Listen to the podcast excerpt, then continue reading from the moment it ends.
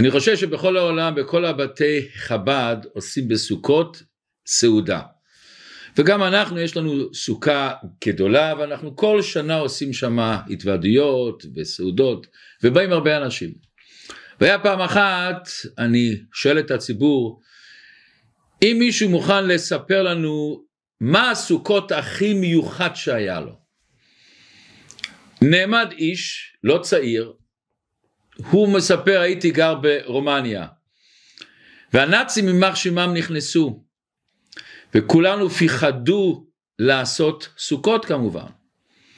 ואז אני בא הביתה ואני רואה אבא שלי שהיינו גרים בקומה הראשונה והמטבח היה בחצר מעלינו לא היה אף אחד אבא שלי לוקח פטיש ושובר את התקרה של המטבח ואימא עומדת ואומרת מה זה? אומר אבא סוכות, סוכות, אנחנו עושים סוכה. העוצמה של אימא שלי לא אמרה מילה. הוא שבר הסחור, שם סכך ו- והיה לנו סוכה. הסוכה התחילה אחרי זה, מכיוון שלא היה לאבא כסף לסגור את החור בתקרה, וכל החורף עבר עם רוחות וגשמים ושמו פלסטיקים וזה נכנס. אבל אבא אומר לי, זה הסוכה תזכור כל החיים. אומר לי, אותו היהודי, כל המשפחה שלנו קשורה ליהדות בגלל הסוכה הזאת. מה העוצמה של הסוכה? מה הכוח של הסוכה הזאת? אז בואו נחזור אמרה נפלאה שאמר הרבה הרייץ, הרבה הקודם של בית חב"ד, שבפעם הראשונה שהאדמו"ר הזקן היה במזריץ', הוא שמע תורה מהמגיד ממזריץ'. המגיד זה שהמשיך את הבעל שם טוב. והמגיד אמ-, אמר אמרה בשם המורה שלו, בשם הבעל שם טוב. והוא אמר, ענן הקטורת של יום כיפור נמשך בסכך של הסוכה. וזה מה שכתוב שהשם אומר אהבתי אתכם אמר השם לאהוב כל יהודי ומספר אדמו"ר הזקן מהשמיעת תורה הזאת נעשה אצלי שינוי בכל הדרך שלי וההנהגה שלי שעד אז הייתי בהנהגה של הבדלה וריחוק מאנשים פשוטים אבל לאחר השמיעה של התורה הזאת, שזו הייתה התורה הראשונה ששמעתי מהמגיד, התחלתי לקרב ולחבב אנשים פשוטים. וכאן אני בטוח שכל אחד מאיתנו חושב לעצמו, איך לוקחים עניין כזה נעלה של קטורת, ולא קטורת של כל השנה, אלא קטורת ביום הכיפורים שהכהן עשה את זה בתוך קודש הקודשים, הכהן גדול. איך משווים את זה לסוכה. ההקטרת הקטורת היה שיא של יום הכיפורים, שהכהן נכנס והתפלל שהקדוש ברוך הוא יסלח לעם ישראל. וכל העם היה בפחד עצום שאם הכהן גדול לרגע אחד לא חשב על מה שצריך לחשוב, הוא הסתלק בקודש הקודשים. סוכה זה בדיוק להפך. סוכה לא עושים בקודש הקודשים, לא עושים בכלל בבית המקדש. אפילו לא עושים אותה בבית, עושים אותה מחוץ לבית. ולפעמים עושים אותה במקום שהוא לא שמור ובטוח, מחוץ למקומות שאנשים גרים שם. ומה בונים שם בסוכה? דירת ארעי. דירה זמנית לשבוע אחד. אני זוכר כשהיינו בניו יורק אצל הרבה, ואז הבחורים באו ושמו באחד המרכזים הגדולים של העסקים באמריקה, בנו סוכה. ואחרי כמה שעות באה המשטרה, הסתכלה, אמרה, מה אתם עושים סוכה? ונתנו קנס וכתבו, תוך שבוע צריכים להוריד את זה. אחרי שבוע הורידו את זה. זה דירת ארעי בדיוק. עוד יותר, גם הדפנות של הסוכה יכולים להיות מכל דבר. יכולים לעשות אותה מדברים יקרים, מזהב וכסף, אבל יכולים לעשות את זה מהדברים הכי פשוטים, מהעץ הכי פשוט. עוד יותר העיקר של הסוכה זה הסכך. שזה כנגד ענני הכבוד שכיסו את עם ישראל. ולכן על פי ההלכה הסוכה יכולה להישאר כל השנה, אבל הסכך צריך להניח בכוונה לשם מצוות סוכה. והוא צריך לשים אותו בשביל הסוכה. וממה עשוי הסכך? כתוב בהלכה, פסולת גורן ופסולת יקב. הפסולת, אני לוקח עלים של עץ שנחתך, העץ צריך להיות שהוא נחתך, והעלים האלה עוד כמה זמן מתייבשים ואין להם ערך. ולהגיד שהסכך והסוכה זה קטורת? וכתוב בזוהר הקדוש שהקטורת זה היה הכי חביב על הקדוש ברוך הוא מכל הקורבנות.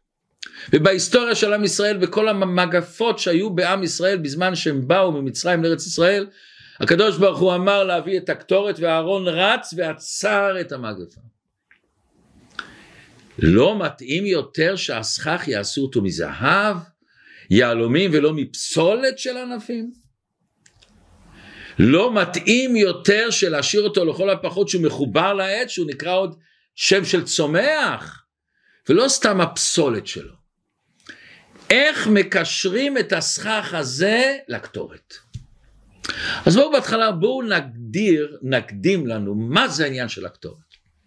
כמו שאמרנו, הקטורת זה העבודה הכי נעלית שהייתה בבית המקדש. וכמו שאומר הזוהר, אמר רבי שמעון בר יוחאי אלעזר בני, כל הקורבנות וכל העולות הם נחת של הקדוש ברוך הוא, אבל אין נחת לפניו כמו הקטורת. כי הקטורת משובחת היא מהכל. ומשום זה מעלים אותה לפני ולפנים לקודש הקודשים. למדנו מזה שלמה לא נענשו אנשים כשבשאר הקורבנות הקטירו, רק בקטורת שהקטירו כמו שני בני אהרון, אז נהיה הקפדה ואז הם מתו. למה? שהקטורת זה העבודה הכי נעלית. ולכן זה נקרא קטורת, קטורת התרגום תמיד מתרגם התקשרות. ומוסבר בתורת החסידות מהי הייחודיות של הקטורת.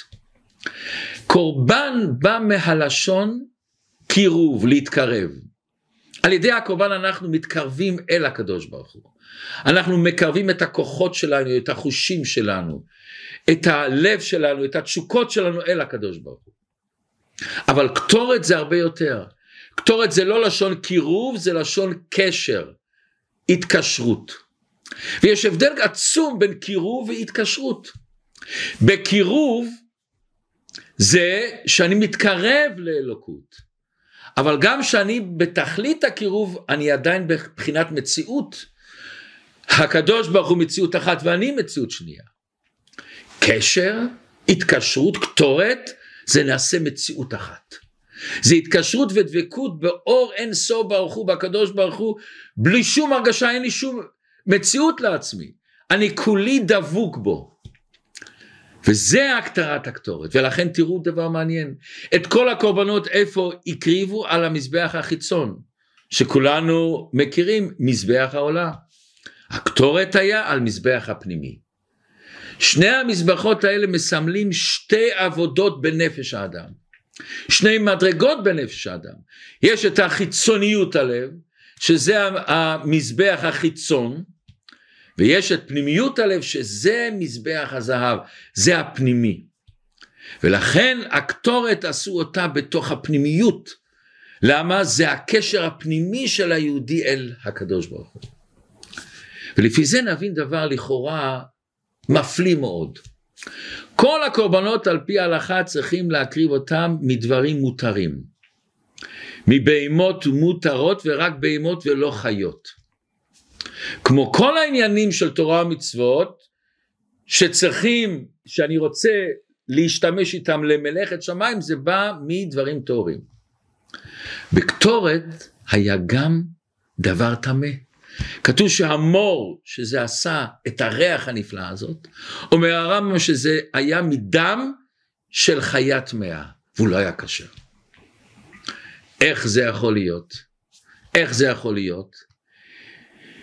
מכיוון שהקטורת זה דבקות בקדוש ברוך הוא. ברגע שזה אחד, זה קשר, גם דבר טמא לא יכול להפריד ביניהם. בקורבן שזה רק קירוב אל הקדוש ברוך הוא, אם הקורבן הוא טמא זה מפריד. כשאני אחד עם הקדוש ברוך הוא שום דבר לא יכול להפריד בינינו. ולכן מובן נפלא למה הקטורת ביום הכיפורים זה כיפר על כל העבור, הפשעים והעוונות של עם ישראל. כיוון שקטורת זה עניין של קשר של, של עם ישראל עם הקדוש ברוך הוא. אז אין שום דבר שיכול להפריד, גם דברים טמאים מוכתרים בקטורת. ולכן גם אם עם ישראל עשו חטאים ועוונות, גם כן בזה הקטורת מכפרת עליהם, מכיוון שזה דבקות. ומעניין, כולנו מכירים את רב חיים מבריסק. יש לנו דין שבכל הקורבנות שצריכים להקריב אותם לשם הקורבן, לשם הבעלים. שאלו את רב חיים מבריסק מה הדין עם בקטורת, מישהו עשה את הקטורת ולא התכוון לשם הקרבת הקטורת, לשם הבעלים שלה. האם גם בזה שייך הדין כמו בקורבנות שאם מישהו, אם הכהן לא עשה את זה לשמה, לא, על, לא עלה הקורבן לבעלים שלו לשם חובה? אומר רב חיים בריסקר לא. בקטורת הוא לא צריך להקטיר קטורת שנייה. למה? כבר נתקיימה המצווה. עצם המעשה כבר מקרב אותך לקדוש ברוך הוא. באחדות אתה לא צריך, אתה לא מוכרח דווקא את הלשמה את הכוונה. בקורבן אתה צריך מחשבה מכיוון שאתה והקדוש ברוך הוא זה שני דברים שאתה מתקרב אתה צריך להיות לשמה. בקטורת שאתה אחד אתה לא צריך. לפי זה נתחיל להבין קצת מה העניין הזה של חג סוכות. כשיש לנו אחדות ואנחנו רואים את זה על כל שעה, בכל מקום רואים שאנשים הכי פשוטים והכי רחוקים והכי נידחים, פתאום אנחנו מרגישים בהם את הקשר לקדוש ברוך הוא. זה האחדות של הקטורת. זה האחדות שמקשרת אפילו דברים שנראים כאילו שהם מובדלים, ברגע שאתה אחד, אתה תמיד אחד את הדבר. ועכשיו נוכל להבין את העניין של חג הסוכות. ובואו נקדים מה שכתוב בספרים מה העניין הפנימי של סוכות? יש לנו פסוק מפורסם בשיר השירים, שיר אהבה לקדוש ברוך הוא. איך כתוב, שמאלו תחת לראשי וימינו תחבקני. מוסבר בתורת החסידות שזה רמז למועדי חודש תשרי. שמאלו תחת לראשי, שמאל זה עניין של גבורה, זה כנגד ראש השנה ויום הכיפורים שזה יום הדין והיראה, שמאל. ימינו תחבקני אמור על חג הסוכות שבו מתגלית אהבתו של הקדוש ברוך הוא לעם ישראל בבחינת חיבוק וימינו זה חסד תחבקני מה ההגדרה הזאת של חיבוק? למה דווקא חיבוק? מסביר אדמו"ר הזקן שיש המון סוגים של התקשרות ובואו נראה דוגמה. הראשון באמצעות מילים כשבן אדם אומר אל השני שלוש מילים הכי פשוטות, אני אוהב אותך. בין איש לאישה, בין אבא לבן, בין אבא לבת, בין אימא לבן ולבת. זה מילים שאומרים אותם בכנות, באמת, יש בהם המון רגש. מילים שיכולים לשנות אנשים, להשפיע על אנשים. ואנחנו מכירים אנשים שרק שאלו אותו באמת, אני אוהב אותך, התייחסו אליהם, החיים שלהם השתנו. וכואב הלב שיש אנשים שהשם ישמור שלא מספיק שמעו את זה בחיים. אבל יש עוד קשר בין אנשים, נשיקה. נשיקה אמיתית מכילה אנרגיה יוצאת דופן ויוצרת קשר עמוק שאי אפשר לגלות אותה במילים סתם. במילים אני יכול לומר אני אוהב אותך, אבל הנשיקה אומרת אני אוהב אותך כל כך עד שאני לא יכול לבטא את זה במילים, אני לא יכול להגיד אני אוהב אותך. יש עוד ביטוי, עוד הרגשה של אהבה שבאה, ואפילו לפעמים היא יותר חזקה מנשיקה, זה מבט. אנחנו לפעמים זוכים לראות מבטים של אימא ובן שלה. או שני אנשים או איש ואישה שיושבים מסביב אל השולחן עם המון אנשים ורק רואים את המבט שלהם אחד על השני והם יכולים להביט אחד על השני הרבה זמן מבלי להשמיע קול. והקול והצליל שיוצא מהמבט הזה, מהמבט השקט הזה, הוא לפעמים יותר חזק מאשר קול גדול שמשדר חיבה עמוקה. העיניים נושאות בתוכם את הסודות עצומים שנמצאים בנשמה. ולפעמים אתה יכול להתקשר דווקא על ידי העיניים. עשו מחקר מעניין מאוד. לקחו איש ואישה, הושיבו אותם זה מול זה, אמרו להם לא לדבר, רק להסתכל אחד על השני. ולראות כל אחד את הרגש שיש לו לשני, את המעלות שיש לשני. והיה דבר נפלא, לראות אנשים זקנים כבר, מבוגרים מאוד, שהביטו פתאום ראו את החיוך. זה ביטוי עמוק מאוד, זה ביטוי אותנטי שמגלה קשר מוצק בין שני אנשים. אבל יש עוד, עוד ביטוי של חיבוק, חיבוק גדול. ושהחיבוק הוא לא סתם, הוא אותנטי, הוא אמיתי, הוא בא מרגש, מקשר מוצק ועמוק שקיים בין שני אנשים שמחבקים אחד את השני. בואו נתחיל לנתח מה יש בחיבוק.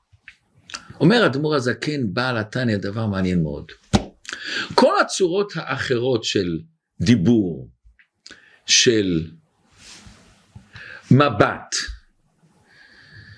של נשיקה, זה הבעת חיבה שמופנית כלפי הפנים של האוהב. אתה מדבר על הפנים שלו, אתה מנשק אותו על הלחי שלו, אתה מביט בעיניו, אתה בעצם מנשק את מה שאתה רואה בו. חיבוק הוא בעצם לא לפנים, אתה מחבק את העורף ואת הגב של השני. עוד דבר מעניין, בחיבוק יש משהו יותר מאהבה אחרת. למה?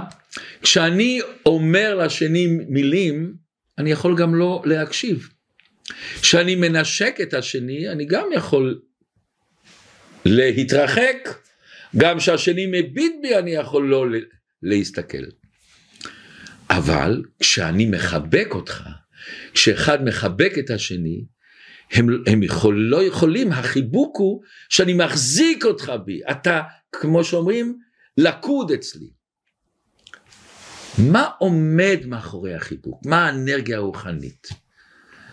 שני המאפיינים האלה זה מלמד אותנו איזה קשר עמוק יותר. כשאני רואה את השני, שאני מדבר לשני, שאני מנשק את השני, עם מה אני נקשר? זה אהבה ההדדית, אני מקבל ממך את הפנים שלך, את ההרגשות שלך, את החוכמה שלך, את ההומור שלך, את היופי שלך, כל מיני דברים שאני רואה בך. אני אוהב אותך בגלל תמורת ליחסים שלי איתך. אתה חכם, אתה עמוק, אתה רגיש, אתה חביב, אתה מאתגר אותי. זה תכונות שמתבטאות בפנים שלי. ואז אני מסתכל ואני מביע אותם דרך הפנים שלי, דרך העיניים שלי, דרך האוזניים שלי ודרך הפה שלי. אני אוהב אותך בגלל התכונות הנפלאות האלה שיש לך. זה סוג אחד של אהבה. אבל יש עוד סוג של אהבה. הסוג של אהבה שאני לא אומר אני מוקיר אותך, אוהב אותך בגלל הפנים שלך, בגלל התכונות שלך, ובלעדיך החיים שלי הם ריקים, משעממים, חסרי כיוון, יש אהבה יותר עמוקה. כשאני מחבק אותך, אני לא רואה את הפנים שלך. אני בעצם מחבק את הגב שלך. אני בעצם מחבק את האחור שלך. זה מייצג אהבה ללא תנאי. בלי תנאים מוחלטת. זה לא קשור לפנים שלך, אלא לגב שלך. אני אוהב אותך בגללך. אני לא אוהב אותך בגללי, בגלל מה שאני נהנה. אני אוהב אותך כמו שאתה. אולי אתה לא תיתן לי שום דבר בתמורה, אבל אני אוהב אותך. אפילו אם תרצה שאני אצא מחייך, אני עדיין נשאר אוהב אותך, בכל ליבי. הנשמה שלי אוהבת את הנשמה שלך. האם אנחנו מחבקים את הילדים? מה הסיבה שהילדים אולי יותר מכל דבר אחר זקוקים להורים שמחבקים אותם?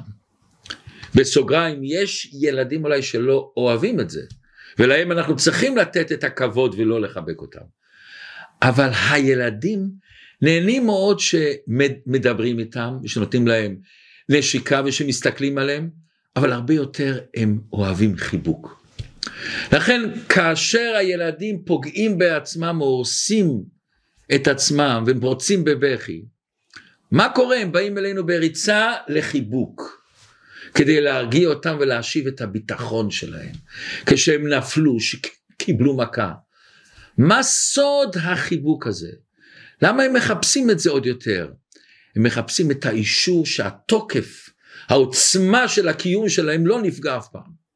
הם משתוקקים לקבל את המסר הזה שהערך שלהם לא תלוי בכך שהם לא היו בסדר, שהם חטאו, שהם פשעו, שעשו, הפריעו בבית ספר, הפריעו בבית, אבל הכבוד שלהם הוא אצלי מוחלט. אני אוהב אותך בלי תנאים. כשאתה לא מעוניין ביחסים שלנו עם הקדוש ברוך הוא, לא בגלל מה שהוא נותן לך, הקדוש ברוך הוא אוהב אותך בכל תנאי, בכל מצב, בכל מצב לא, לא חשוב מה שאתה בוחר. יש לפעמים שהקשר, איך שאני מתנהג לקדוש ברוך הוא, ולכל השנה אנחנו מרגישים את הנוכחות של הקדוש ברוך הוא באמצעות העבודה שלנו, כשאנחנו מעדנים את ההתנהגות שלנו, שאנחנו מתבוננים על הגדלות של הקדוש ברוך הוא, שאנחנו מתפללים, שאנחנו עובדים על המידות שלנו. זה גורם לנו פתאום ניצוצות של מהאהבה של הקדוש ברוך הוא אלינו. ואז אני מתקשר לקדוש ברוך הוא. בסוכות, קדוש ברוך הוא מחבק אותנו, מחבק את הגב שלנו. מחבק אותנו, לא חשוב איזה מצב שאתה תהיה. ותראו איך זה נפלא. מה אנחנו עושים בסוכה? כשאנחנו מניחים תפילין, שומרים שבת, עושים הרבה דברים שהם קשורים ברוחניות. מה אנחנו עושים בסוכה? אוכלים, שותים, משוחחים, מתוועדים, מבלים, יש אנשים שיושנים בסוכה. אנחנו עושים בעצם את כל הדברים הארציים שאנחנו עושים כל יום. אדרבה, זה על פי ההלכה, אתה צריך לעשות את הסוכה דירת קבע, מה שאתה עושה בבית, בעולם הגשמי שלך. ואותם אנחנו עושים בסוכה במהלך כל החג, וזה מוגדר על ידי הקדוש ברוך הוא כמצווה. וזה לא רק מצווה בעלמא, מצוות סוכה היא המצווה היחידה שמקיפה את כל האדם. זה לא רק בעבר אחד כמו שאני שם הנחת תפילין זה בעבר אחד. האישה שמפרישה הפרשת החלה היא מפרישה את זה באצבעות שלה. הסוכה היא בכל כולך מקיפה אותך בלי שאתה עושה כלום בעצם אתה רק אוכל ושותה אתה רק נמצא בה. אומר הקדוש ברוך הוא אני אוהב אותך מוקיר אותך לא בגלל מה שאתה עושה בשבילי, בגלל מה שאני מרוויח ממך במרכאות. אני קשור אליך לא בגלל העבודה הרוחנית שלך, בגלל שאתה יהודי. בגלל שאתה חלק אלוקה ממעל ממש. אני מאוהב בעצם המציאות שלך. בעצם המהות שלך אני מאוהב. זה הסוד של הסוכה שלה. וזה בעצם מתבטא בסוכה. כל מהותה של הסוכה כמו שאמרנו זה דירת ארעי, אפשר לבנות אותה ממחיצות הכי פשוטות, הכי זולות. הסכך פשוט מאוד, פסולת גורן, דברים פשוטים מאוד. שם הקדוש ברוך הוא מחבק אותך, מתקשר אליך. גם שאתה פשוט, השם איתך. וזה מה שאמר הבעל שם טוב, זה מה שאומר הקדוש ברוך הוא, אהבתי אתכם אמר השם.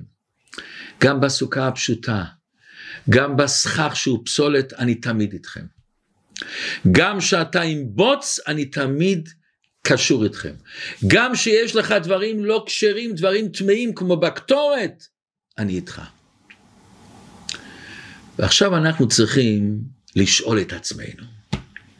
כשאני נמצא בסוכה, וכמו שהקדוש ברוך הוא מחבק אותי, וימינו תחבקני, מה קורה אם בא בן אדם ומחבק אותי ומגלה לי את האהבה שלו?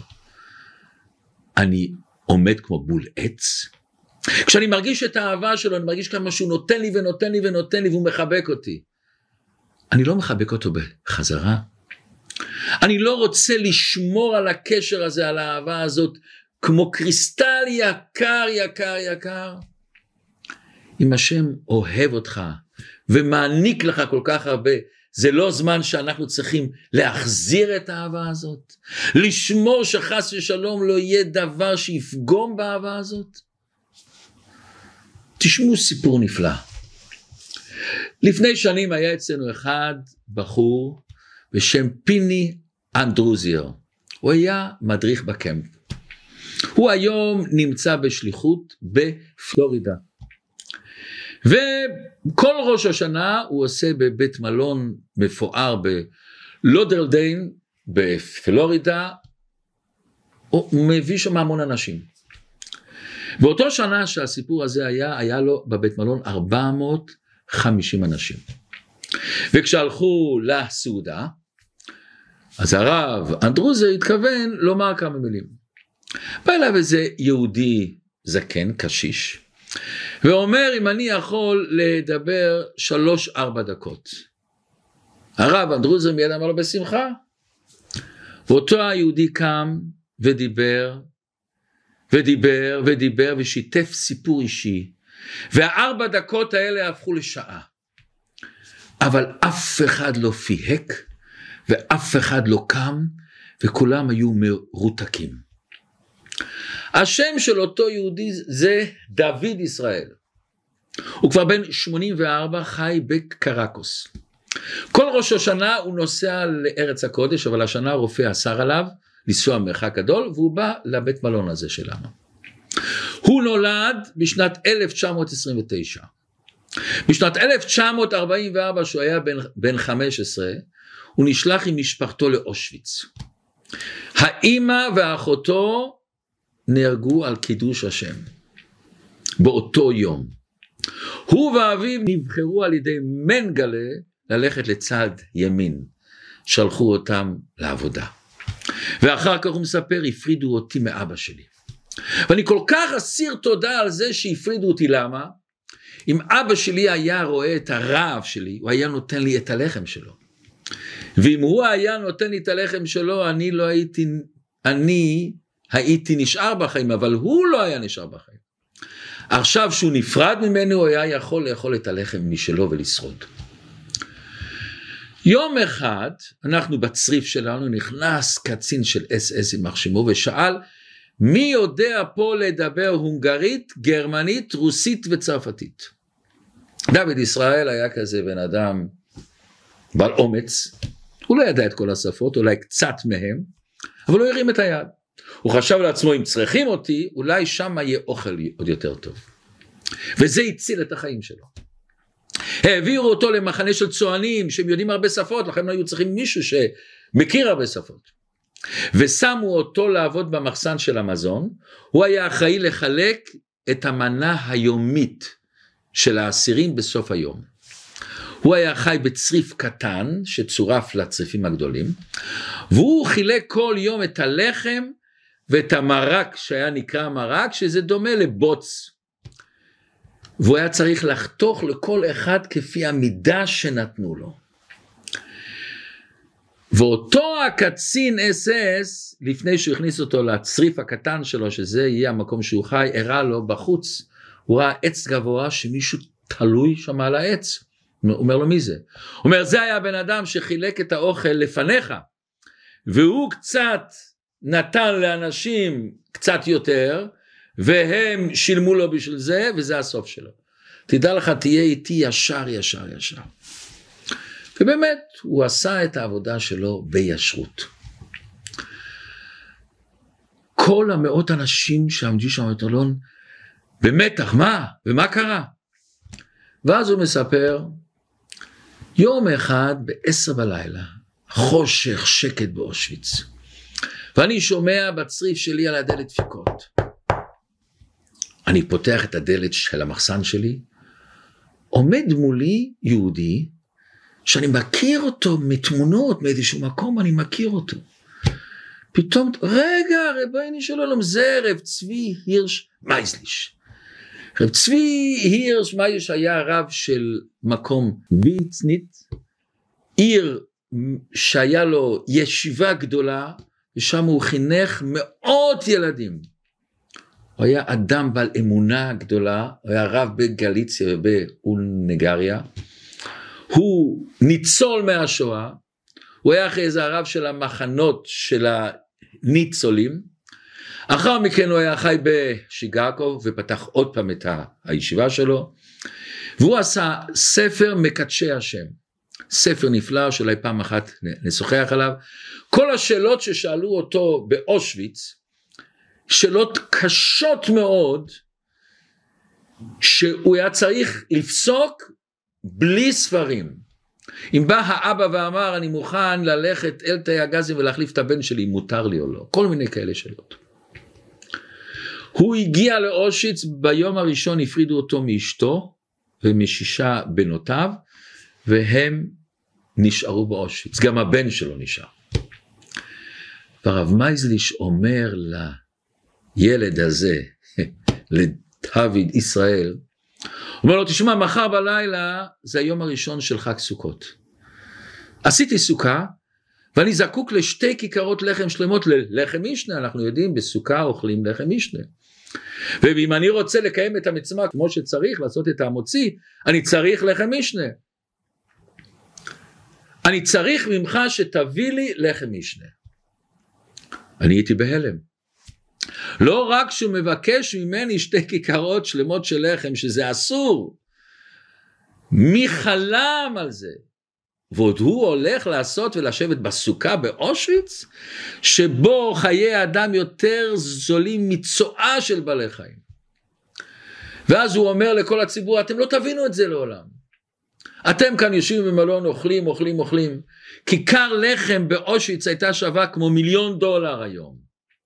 ואם מישהו יבוא אליך ויגיד לך תן לי את המיליון דולר, איך אתה מסתכל עליו? מישהו שאתה לא מכיר אותו ואתה בכלל לא יודע מי הוא. ואיך האיש הזה הצליח לבנות בגיהינום הזה, איך הוא הצליח לבנות סוכה. ואז הוא מספר, הנאצים בסוף 1944 הנאצים רצו להרוג כמה שיותר, הביאו המון יהודים במאמץ להשלים השם ישמור את הפתרון הסופי. והם היו צריכים צריפים, ולא היה להם מספיק, עשו עוד צריפים, עוד צריפים, לא היה. מה הם עשו? הם פירקו את הקומות של המזרונים, ושמו את המזרונים האלה בחוץ.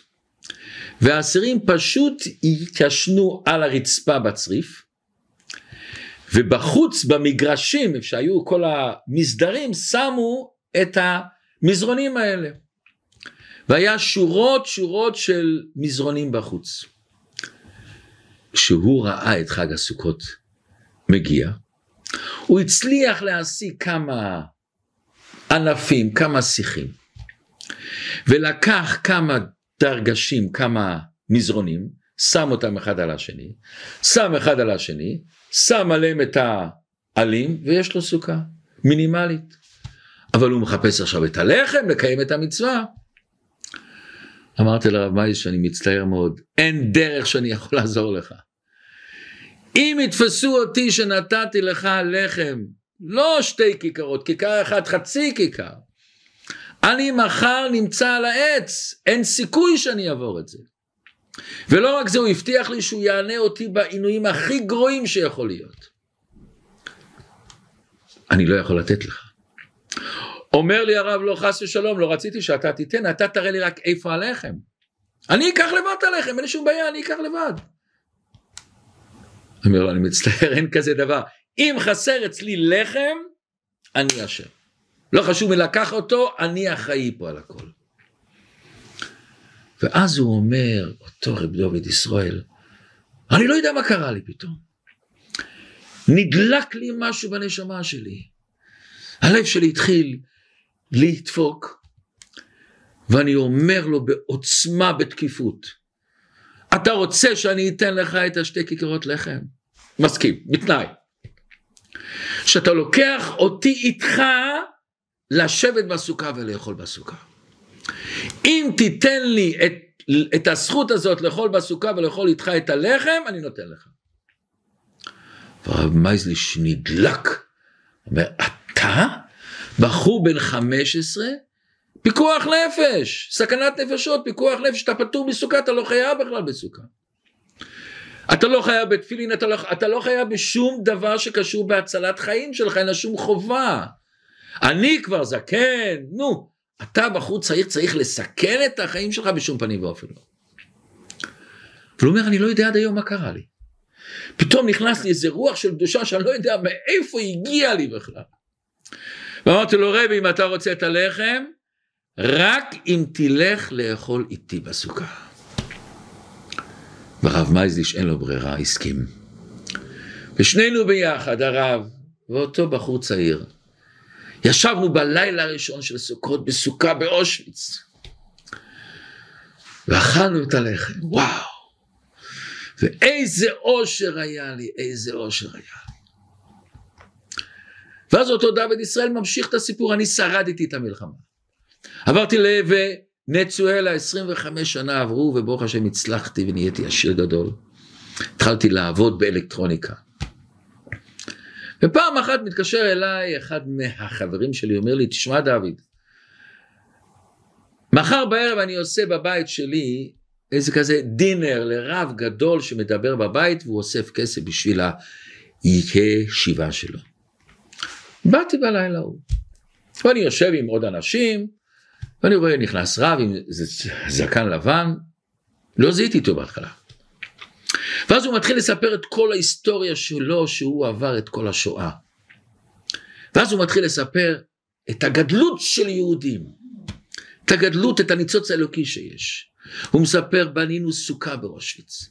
הוא מספר, הלכתי לילד צעיר בן 15 וביקשתי ממנו את הלחם, לחם משנה. והילד הזה לא הסכים לתת רק אם הוא הסכים אם אני מוכן לסכן את החיים שלו ולתת לו את הזכות לאכול איתי בסוכה. ואז הוא עם דמעות בעיניים הוא אומר, תראו איזה יהודים יש לנו, יינגלך, ילדים קטנים בן 15, מוכן ללכת למסירות נפש ולסבול חס שלום, שחס שלום אם יתפסו אותו את העינויים, רק בכדי לבצע את מצוות סוכה. במקום שהוא פטור. ואז זיהיתי אותו. נהייתי חיוור.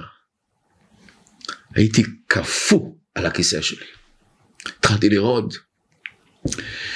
ואז ניגשתי, רצתי אל הרב, חיבקתי אותו. אמרתי, איך בין דה אינגלה, אני אותו הילד, אני גם שרדתי.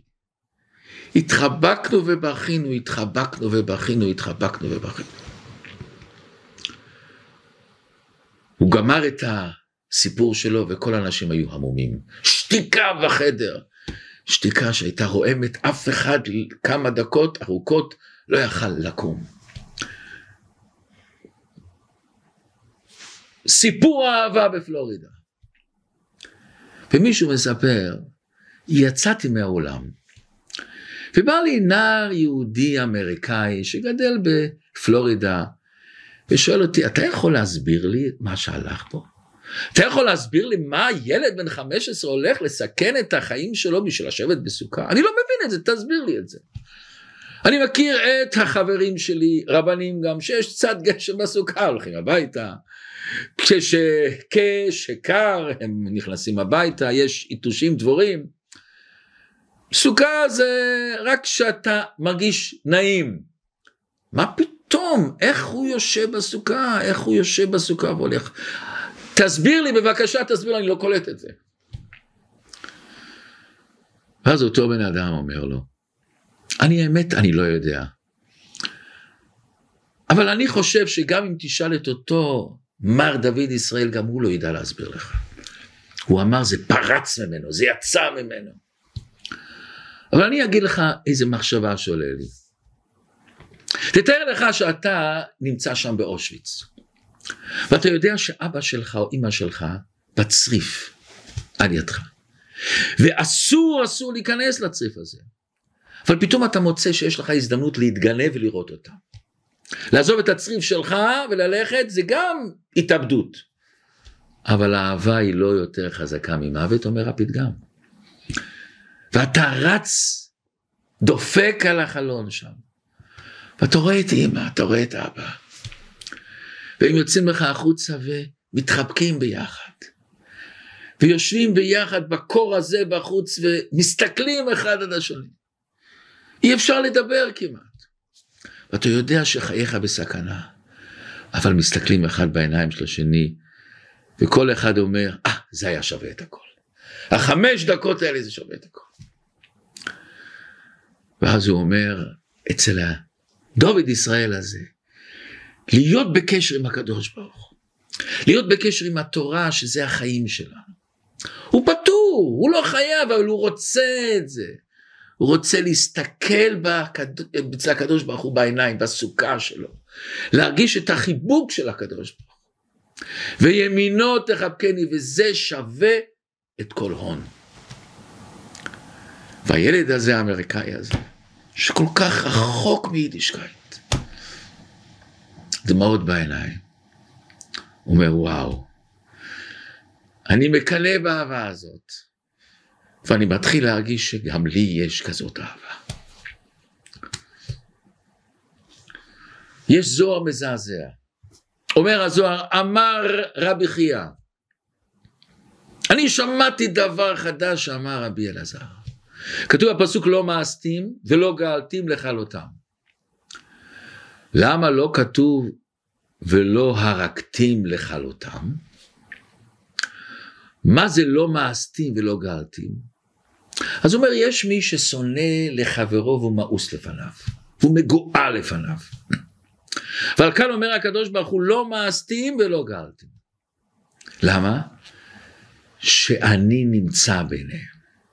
ובשבילי כולם אהובים, וזה לכלותם מלשון כיליון נפש. קלטה נפשי בשבילהם. ואז הוא אומר, משל לאדם שהיה אוהב אישה, והיא הייתה דרה בשוק של בורקסים, מקום שריח רע. ואם היא לא שם, הוא לא היה נכנס שם לעולם, אבל כיוון שהיא שם, זה נראה בעיניו כשוק של פסמים. שכל הריחות הטובות שבעולם נמצאים שם. ואף גם זאת בהיותם בארץ אויביהם, הם, הם נמצאים כמו חלילה האויבים שלהם. הם לא, הם בשוק מסריח. אבל לא מאסתים ולא גלתים. למה? לכלותם הנפשי, יש לי את הקלות הנפש. והם אהובי נפשי. ואני יורד למקומות האלה בשביל להיות איתם. אמר רבי יוסי, אילו לא באתי לכאן, אילו כל החיים שלי לא באתי אלא לשמוע דבר זה, דיי, זה מספיק. חוש ריח זה גם לא אובייקטיבי. אדם יכול לחשוב ששוק מסריח, אבל בגלל האהבת נפש שלו שם הריח משתנה. אנחנו צריכים להרגיש את האהבה של הקדוש ברוך הוא, גם שאנחנו נמצאים בסביבה של ריחות לא טובים. כמה אנחנו צריכים לשמור על האוצר הזה, על האהבה הזאת של הקדוש ברוך הוא אלינו. לגלות את האהבה שלנו. על, אה, אה, לא לאבד את הקשר הזה, להרגיש אותו, לחיות אותו. אדרבה, האהבה הזאת גורמת לך שאתה לא רוצה לחטוא. אתה לא לא חוטא בגלל, בגלל שאתה מרגיש את הקשר. עכשיו נבין דבר נפלא. אומרת הגמרא, אמר רבא, מצטער פטור מן הסוכה. אם הישיבה בסוכה כרוכה בצער, כמו שהתחיל גשם חזק, רוחות חזקים, צער, על פי ההלכה, אתה לא חייב לשבת בסוכה.